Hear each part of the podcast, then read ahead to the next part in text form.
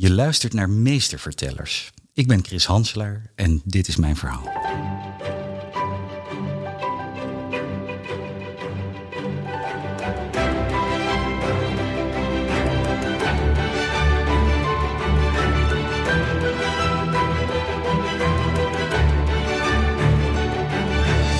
Hartelijk welkom bij Meestvertellers, de podcast die helemaal in het teken staat van verhalen en storytelling.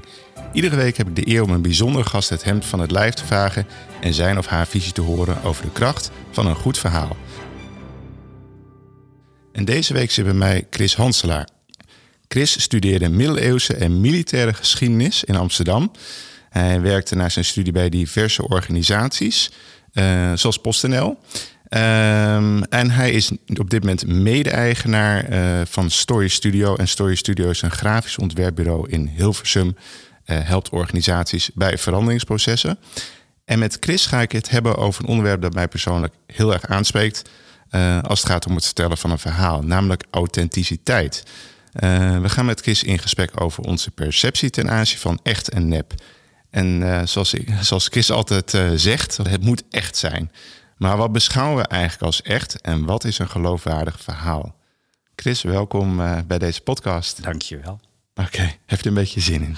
Ja, ik, je, je, je, je, je vroeg mij voor een onderwerp wat inderdaad uh, me toch al heel erg bezighoudt. En uh, juist omdat je me voor gevraagd hebt, moest ik ook weer even dingen uitzoeken en, en om het explicieter te maken. Dus dat is voor mij ook een hele mooie exercitie eigenlijk. Dus ja. ik ben er wel blij mee. Ja, nou, ik heb jou gewoon getorpedeerd als de authenticiteitsexpert. Whether you like it or not. Als het maar niet is omdat ik meer authentiek ben uh, dan je lief is, dan, uh, dan je, is het goed. Je bent als persoon ook behoorlijk authentiek in ieder geval.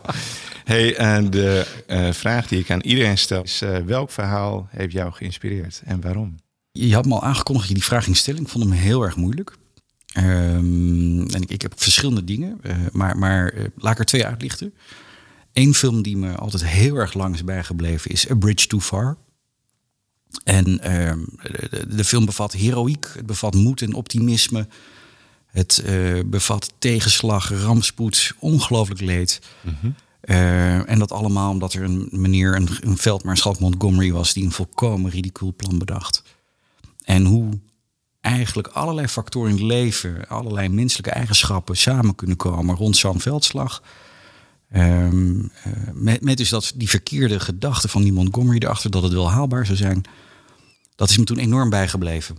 Dat, dat, er, dat er zulke fuck-ups mogelijk zijn. Oké, okay. ja, het is wel een oudere film, toch? Ja, ja, ja, ja eind jaren 70, begin jaren 80. Ja, ja. Uh, over de slag uh, om Arnhem. Ja, uh, precies. Ja, bekende film natuurlijk. Ja, ja en, en, een boek, en een boek dat me ook is bij, want die, die wil ik wel echt vermelden, is, is 1984. En dan niet zozeer om, om, om, om de beschrijving van dat dictatuur en, en, en alle, alle vreselijke trucken die men uithaalt om, om je als mens te kleineren. Maar er is een moment in het boek, in, in bepaalde drukken heb je dat nog, dat er die, die hele wereld waarin de hoofdpersoon leeft is anoniem en in iedereen mm -hmm. leeft vreselijk geïsoleerd. En hij komt elke dag komt hij een vrouw tegen. En op een gegeven moment krijgt hij een briefje in zijn hand.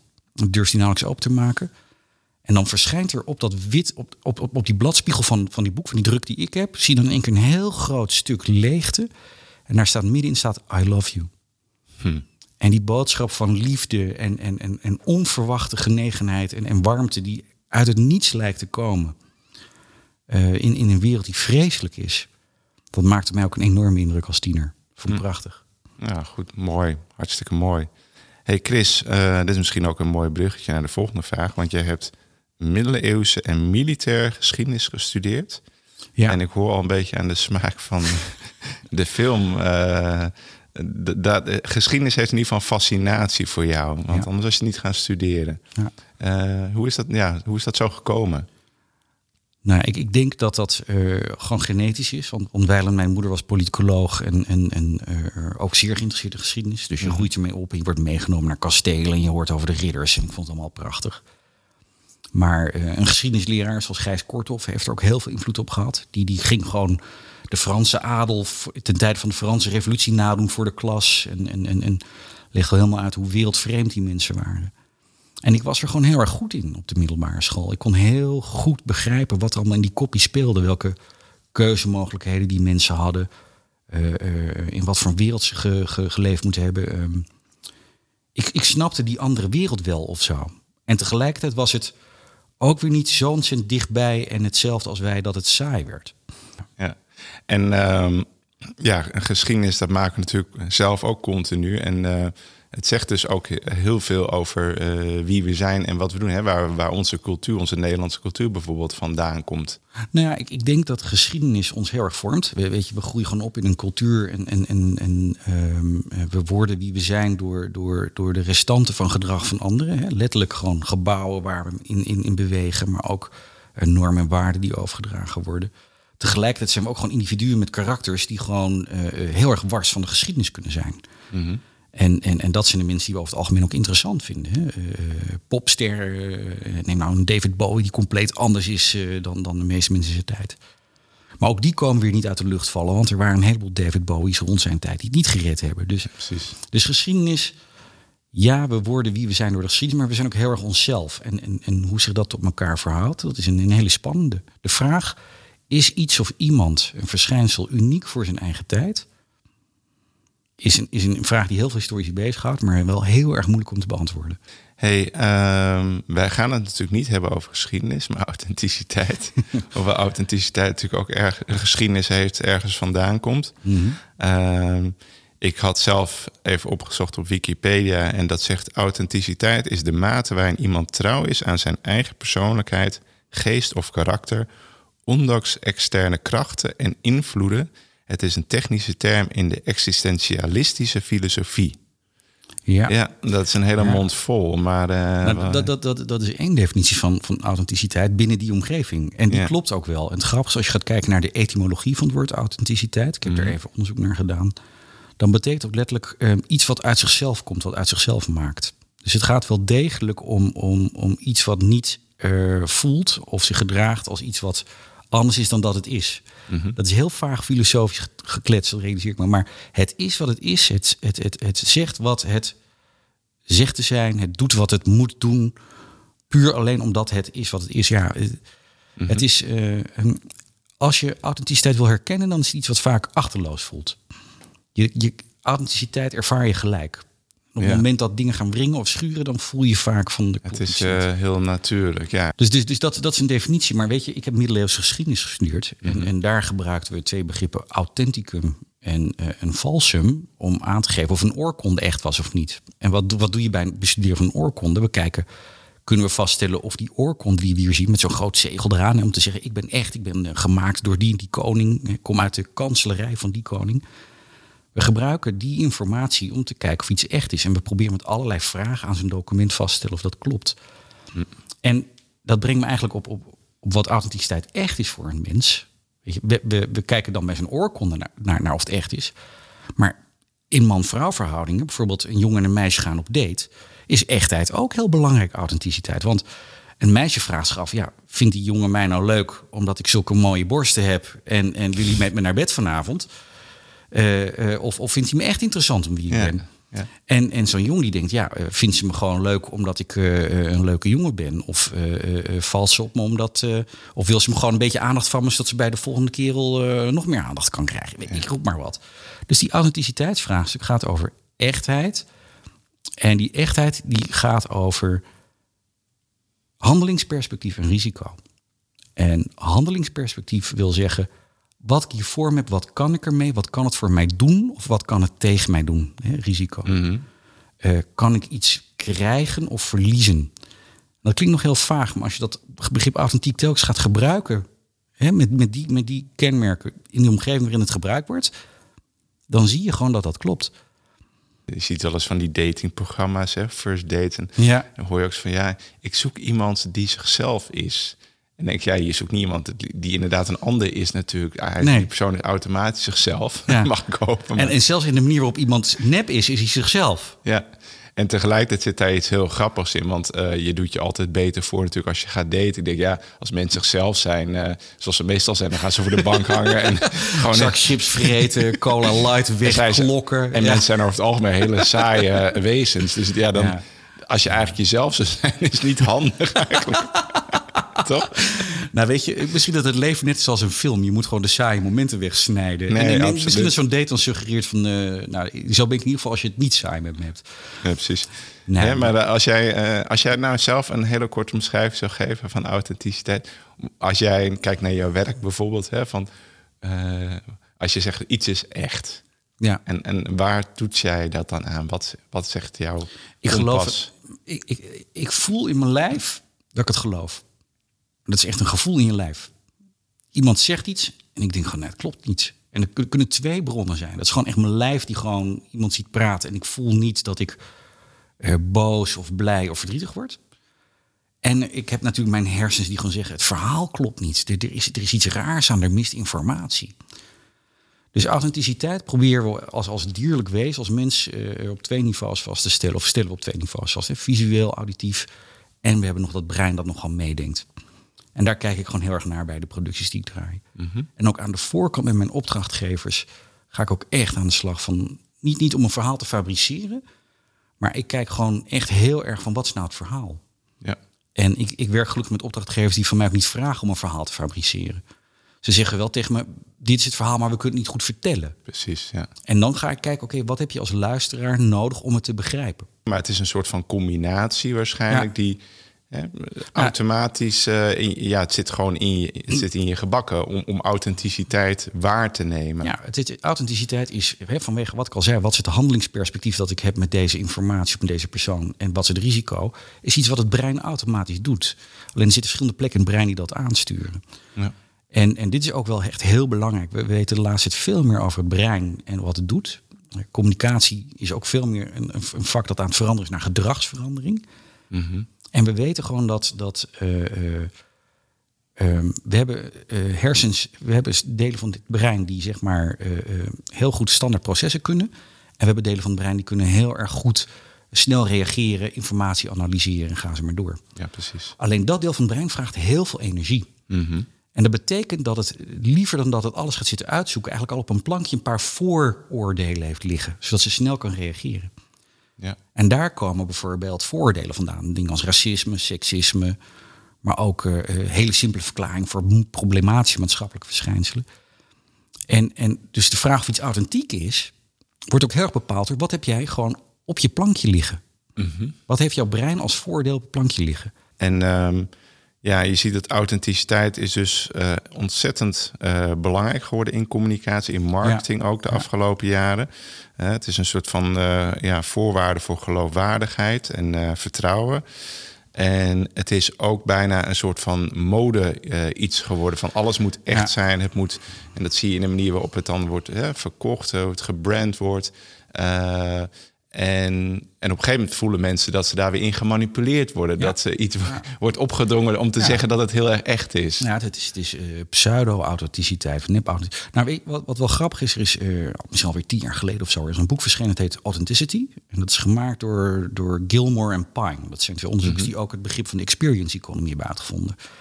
En die leggen uit dat authenticiteit is, een- is een beetje een mantelbegrip. Om een voorbeeld te geven, eh, Disneyland is een volkomen eh, persiflage, een nep-Europees kasteel. En, en, en niemand zou zeggen dat het echt is. Maar toch in zijn nepheid, die zo overduidelijk is, is het heel erg echt. Ja, ja. In zijn genre bijna is het Ja, echt. Ja. En, en, en, en wat ze dus gedaan hebben, ze hebben, ze maar gewoon de, de, de echte authenticiteit en nep-authenticiteit hebben een soort van schema gemaakt van, van eh, ehm, voldoet iets aan, he- heeft, is, het wat het, is het wat het zegt te zijn en doet het wat het doet. En daar konden ze een matrix mee maken en dan ga je gewoon vergelijken en dan kun je tot allerlei vormen van authenticiteit komen. Bedoel je dus ook te zeggen dat je door zo'n matrix kan toetsen of iets als eh, eh, authentiek wordt ervaren dan? Eh, nee, nee, welke authenticiteit wordt ervaren? Of welke authenticiteit? Dus, Oké. dus Gilmore en Pine schreven dus, dus dat boek om, ehm, om marketeers te helpen, om communicatie Ja, te precies, helpen. ja. Om duidelijk te maken van alles wat jij maakt is in principe nep. Alleen wees je wel heel erg bewust van welk soort nepheid jij gebruikt. Oké. En omdat wij ook nep als authentiek ervaren, zegt ze, nou ja, je hebt deze soort authentiek en die soort authentiek en die soort authentiek. Nou, ik, ik weet ze niet meer uit mijn hoofd hoor, maar het, het is interessant om dat een keer bij te pakken. Ook gewoon voor jezelf. Van, hey, pak eens een voorwerp. Is dit nou nep-authenticiteit of echte authenticiteit? Ja. En waarom denk je nou dat het, uh, we hebben het al een beetje behandeld, hè, maar waarom authenticiteit nou uh, zo belangrijk is dan? We zien dat de samenleving steeds complexer wordt. We krijgen mhm. steeds meer signalen op ons afgevuurd en dan, dan moeten we gaan schiften. En dan zijn dingen die echt bij ons kunnen binnenkomen op een emotioneel, emotioneel niveau veel sterker dan alleen maar een, een button koop mij. In veel gevallen. Hè? Dus uh, die verhalen die verteld worden, of die, die, die merken willen vertellen, zijn heel vaak verhalen bedoeld om een band met jou aan te gaan. Ja. Zodat je een merkvoorkeur krijgt. Um, alleen het probleem is dat, dat uh, die reclamebureaus die dat uh, jarenlang gedaan hebben, die kunnen dat vaak gewoon ontzettend slecht. En er zit gewoon ontzettend veel bullshit tussen. Dus, dus we hebben eigenlijk nog maar een paar middelen ter beschikking als communicatiemensen. Om mensen in contact te laten komen die iets wat ze als echte authenticiteit kunnen laten ervaren. Ja. En dat zijn uh, boze en blije mensen en, en, en babytjes en dingen die gelijk emotie oproepen. Ja, en die van zichzelf al heel authentiek overkomen natuurlijk. Een baby is zichzelf bewijzen. Ongefilterd. Ongefilterd. En, een beest ook bijvoorbeeld natuurlijk. Ja, ja. Maar je hebt ook helemaal, dat is, dat is ook hoe het menselijk brein werkt. Je hebt helemaal niet per se een verhaal nodig om iets als authentiek te ervaren. Je hebt gewoon soms alleen maar een beeld nodig. Mhm. Ja. En als jij maar gewoon denkt, op basis van dat langzame, snelle brein wat je vertelt, als jij maar gewoon denkt, oh, dit beeld is authentiek, dan vult dat brein dat verhaal al helemaal zelf in. En dat is zo fascinerend. Mhm. er, er, ging een plaatje rond van de bosbranden in Australië. En toen hadden ze een kaart gemaakt van Australië. En hadden ze in Photoshop hadden ze die bosbranden, bosbranden erin geplot. Maar er waren werkelijk gewoon honderdduizenden mensen die dachten dat dat ook werkelijk allemaal tegelijkertijd in de fik stond. En dat Australië één grote vuurzee was. Ja. Maar omdat mensen dat gewoon helemaal zelf konden invullen. Ja, opwarming aarde, uh, brand, oh, de zielige koala's. is, dat, is die afbeelding denk ik echt. Ja, precies. Mensen maken het echt of ze maken het verhaal af eigenlijk. Ja, ja, Ze, maken, ze vullen het automatisch zelf in. En, en, en dat is waar je als je... Uh, dat is waar, waar, waar we hebben ons vak en ethiek, waar je als filmmaker, als, als communicatiepersoon gewoon scherp moet blijven. Zeker, ja. Ja, het, het, is fascinerend. En ik denk ook als je dan kijkt naar de geschiedenis, maar daar weet jij misschien meer vanaf. Maar we leven natuurlijk vroeger in een wat eenvoudige wereld. Hè? Dus een, uh, uh, heel veel dingen waren denk ik van nature echt. Want het had geen uh, nut om het nep te maken. Ik bedoel, als je was gewoon een boer en je deed je werk, noem maar wat op het land. Ja. Hè, dat was allemaal best wel duidelijk. Maar de rollen zijn allemaal veranderd. En nu hebben we natuurlijk ook te maken met de media. En, en dat is ook aan het veranderen. En op een gegeven moment krijgen we krijgen in één keer fake news. Ja. En um, we moeten eigenlijk nu continu um, zoeken naar wat echt is eigenlijk als, als mens in deze maatschappij. Ja. Nou, het, het, erg is dat, dat, dat we, we hebben het al, de, de filterbubbels heeft iedereen het nu over. Maar die filterbubbels zijn eigenlijk al de bubbels die we ons hoofd zelf al gemaakt hebben. Mm -hmm. Het enige wat er gebeurt is dat de filterbubbel versterkt wat er in je hoofd al gebeurd is. Dus als je geneigd bent om al te denken dat alle asielzoekers uh, bankrovers zijn, dan wordt, al die wordt, wordt die positie al door het internet herkend, hè, door, door al die applicaties waar je op zit. En die gaan je alvast die informatie aanleveren die erbij komt. Maar dat geldt ook bijvoorbeeld voor uh, de bosbranden in Australië, wat ik je vertelde. Dus, dus, dus, dus die digitale media zijn een uitvergroting van onze hersens in dat opzicht. Ja. Die bubbel is er al in onze kop. Ja. Dus het is, het is een, een, een, een vreselijk Engelstalig, maar het is een force multiplier. Precies. Ja. Dus dat is niet hoopgevend. Nee. Hey, en uh, ja, het is, je merkt het al, het is een onderwerp waar je enorm veel over kan zeggen en kan uitweiden. Uh, maar ik ga even terug natuurlijk ook naar jouw werk. Want ja. hebt, het is altijd leuk om aan de hand van ja. voorbeelden ook uh, te werken. want jouw werk draait volledig om communicatie. Een grafisch ontwerpbureau, dus visuele mm -hmm. communicatie, maar ook geschreven communicatie. Hoe zie je dat dit dus een rol speelt in jouw werk? Authenticiteit. Ja. Alleen maar. Ja. Ik ben continu aan het toetsen. Geloof ik het? Snap ik het? Begrijp ik het? Ben ik niet aan het liegen? Zeg ik het eerlijk? Um, nou, die vraag komt niet zo erg bij me op, omdat ik dat sowieso niet probeer mm -hmm. te doen. Maar uh, het moet gewoon kloppen wat er staat. Ja. En dat is ter bescherming van je opdrachtgever, maar ook jezelf. Kijk, als je uh, zelf gaat zitten besodemieteren, dan, dan, dan, dan, dan gaat het aan je integriteit morrelen. En dat, dat, mm -hmm. dat is heel onaangenaam, kan ik je vertellen. Um, en daar bedoel je mee dus dat jij dus iets aan het doen bent wat dus tegen jouw morele kompas ja, uh, ingaat? Dan, dan, dan, dan, loop je rond met het gevoel, ik ben een oplichter. Mm -hmm. En daar heb ik gewoon niet zo'n zin in. Nee, um, en, en de opdrachtgever, die krijgt gewoon, als hij de boel besodemietert, gewoon altijd in zijn gezicht terug. Ja. En um, gelukkig heb ik ook geen opdrachtgevers die dat willen. En zit mijn rol maar voornamelijk in dat we wel het goede verhaal vertellen, maar misschien die elementen niet belicht waarvan je weet dat het ingewikkelde vragen oproept die toch niet heel erg veel behulpzaam zijn. Ook voor de mensen niet die die vragen beantwoord willen krijgen. Maar je, ja, je laat natuurlijk de elementen zien die uh, eigenlijk de, de, de waarheid uh, of, de, of die echtheid zoveel mogelijk benadrukken. Ja. Je kan natuurlijk wel van alles erbij halen. Ja. Um, en jij zei toen straks van, uh, dus je, je, jij toetst dat eigenlijk, of jij, je authenticiteit toets je aan de hand van visueel, auditief en met je brein.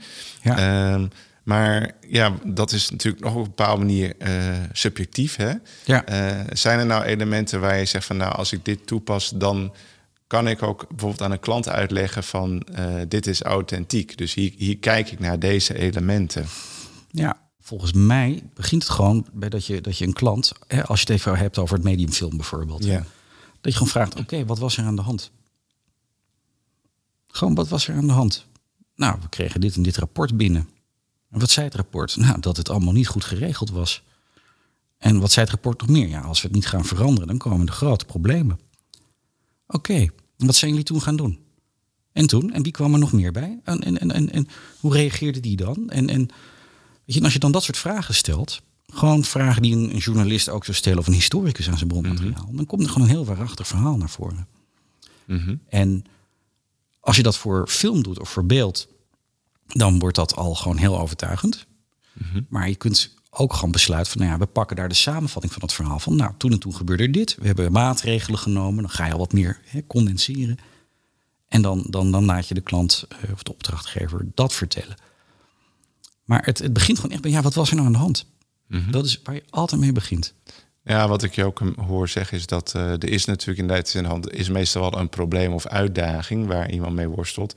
En daar moet je iets over zeggen. Kijk, ik denk dat de authenticiteit dus ook te maken heeft met van brengen we alleen maar een heel rooskleurig verhaal van hè, wij zijn de Ja. beste en we doen alles goed. Ja. Of laten we ook zien, nou, uh, wij worstelen ook. Uh, Ja. Dit zijn onze problemen. En, en, en zo, maar zo gaan we ermee om. Ja, ja weet je, ik, ik, ik vaar daar ook wel een beetje op bij wat opdrachtgevers voor mij zeggen, tegen mij zeggen. Want, want uh, uh, uh, ik ben me ervan bewust dat in heel veel omgevingen die ook onder politieke druk staan, mij ook niet alles verteld wordt.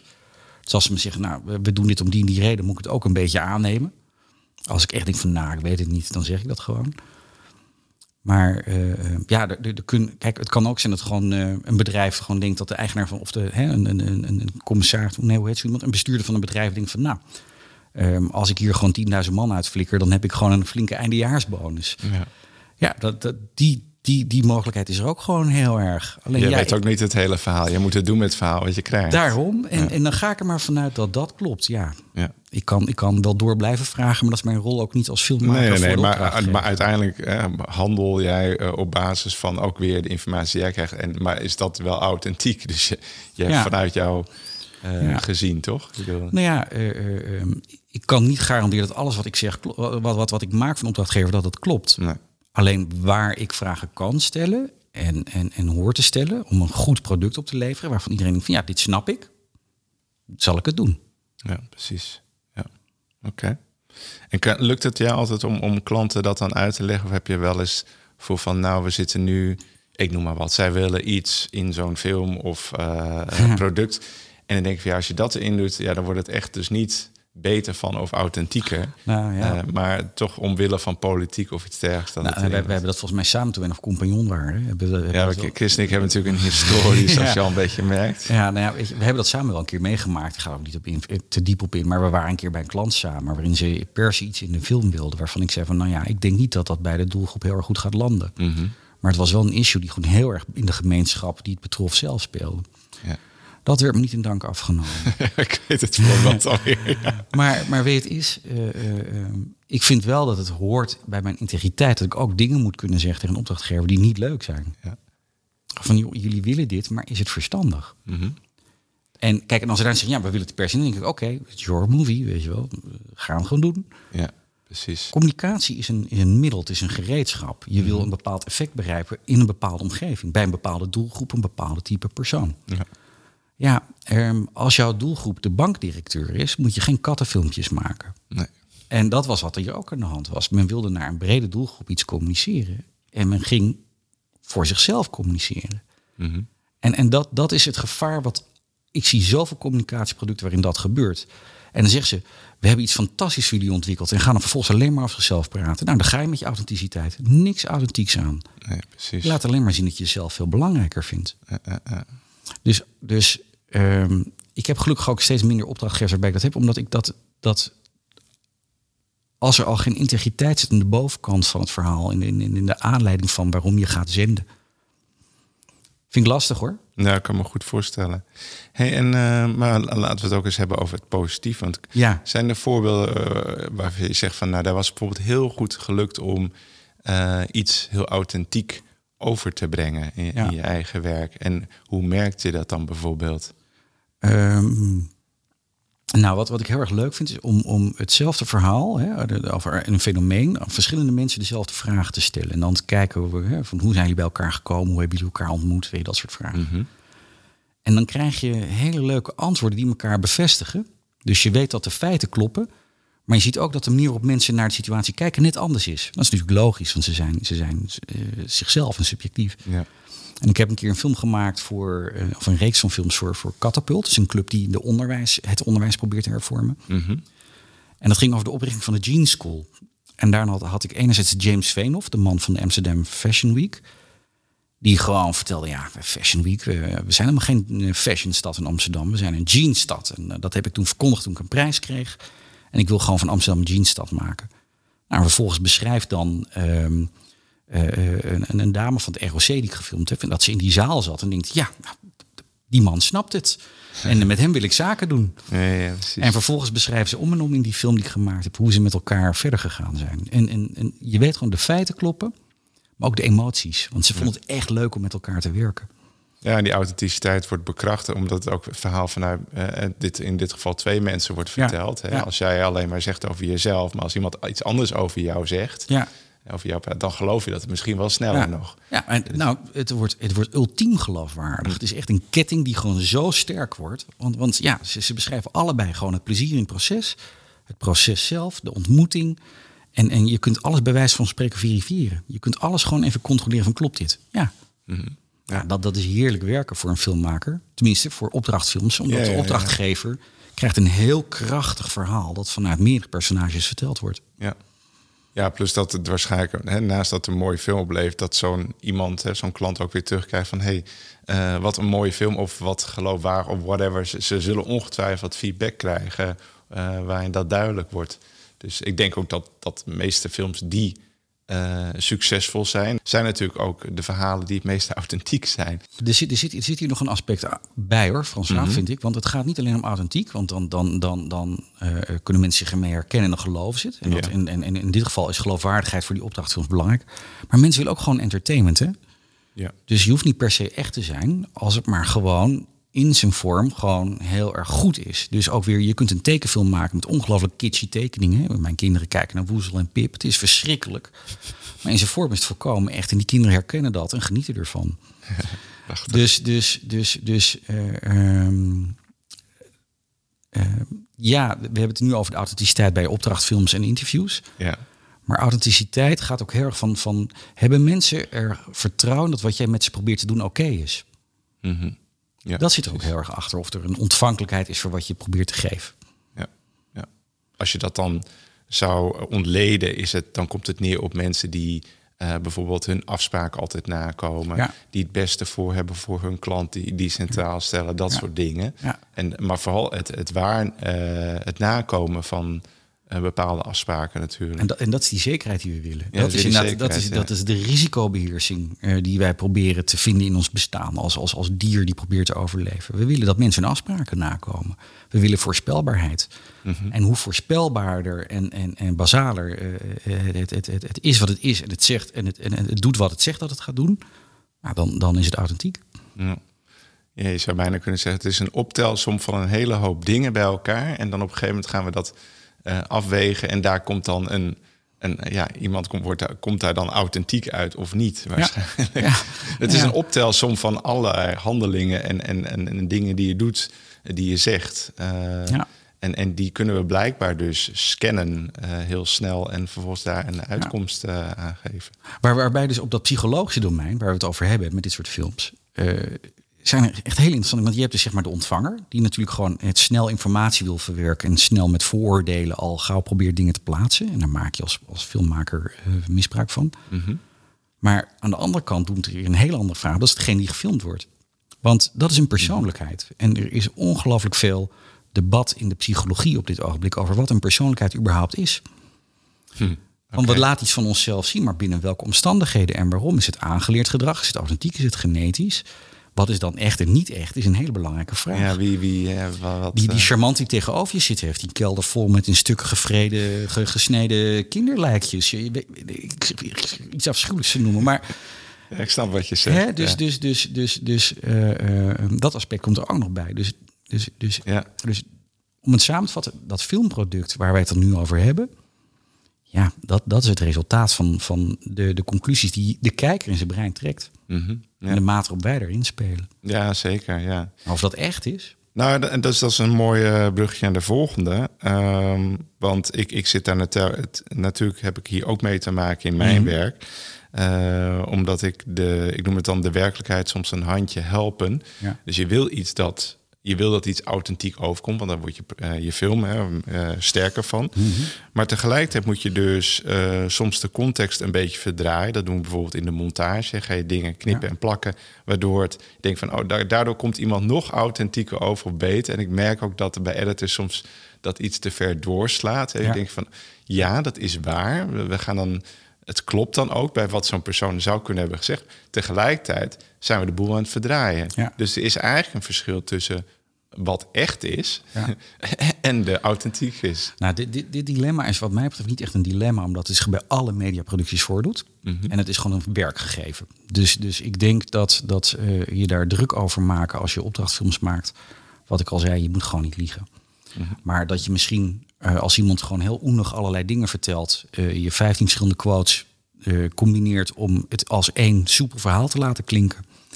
Dat is ook gewoon mijn, mijn, mijn plicht als eh, eh, maker van de opdrachtfilm. Ik wil Ja. dat de mensen die ik film schitteren.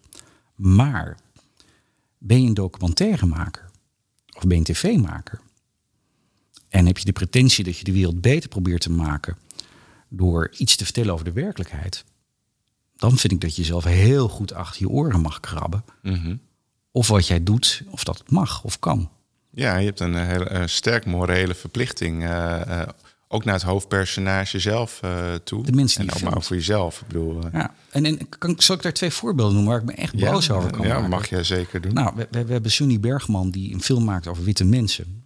En dan op het water, op het ei, of nee niet het ei, maar, maar daar, daar bij de Amstel, eh, filmt ze dan allemaal dronken witte mensen in, in bootjes. En vraagt ze of die zich bewust zijn van een witte privilege. En dan zijn die mensen sowieso gewoon aangeschoten. Ze zijn totaal niet eh, voorbereid op zo'n vraag. En, en, en zullen ook niet even bij zichzelf hebben nagedacht... hoe denk ik er nou echt over?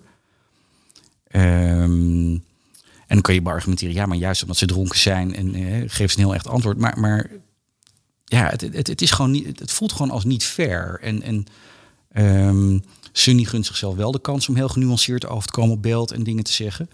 Terwijl ze dat, die, die, diegene die gefilmd is op dat moment ontzegt. Mhm. Dus ze, ze gunt de ander, zeg maar. eh, ehm, ze, ze manipuleert de authenticiteit. Ook als het gaat over beeld over zichzelf daarmee. Want kijk, ik ben niet zo, zegt ze. En dat weten we gewoon helemaal niet over Sunny. Nee, oké. En dus, dus ik vind hoe ze dat doet, vind ik echt heel storend. En een ander voorbeeld vind ik Yvonne Jaspers. Die gewoon mensen voor de camera... Ja, kijk, die sukkels doen het natuurlijk zelf. Hè. Laten, we er, laten we wel wezen. Maar Waar heb je nu over? Het Boer boerzoekvrouw? ja. Ja, weet je, François, kom op. Je bent natuurlijk een sukkel als je aan het programma meedoet. Weten we allemaal. maar ja, of wanhopig en je wil een vrouw, weet je. Maar, maar hoe zij het voor elkaar krijgt om met hele knappe gesprekstechnieken mensen helemaal in zo'n staat te krijgen dat ze nog maar even hoeft te doen en die mensen beginnen te huilen.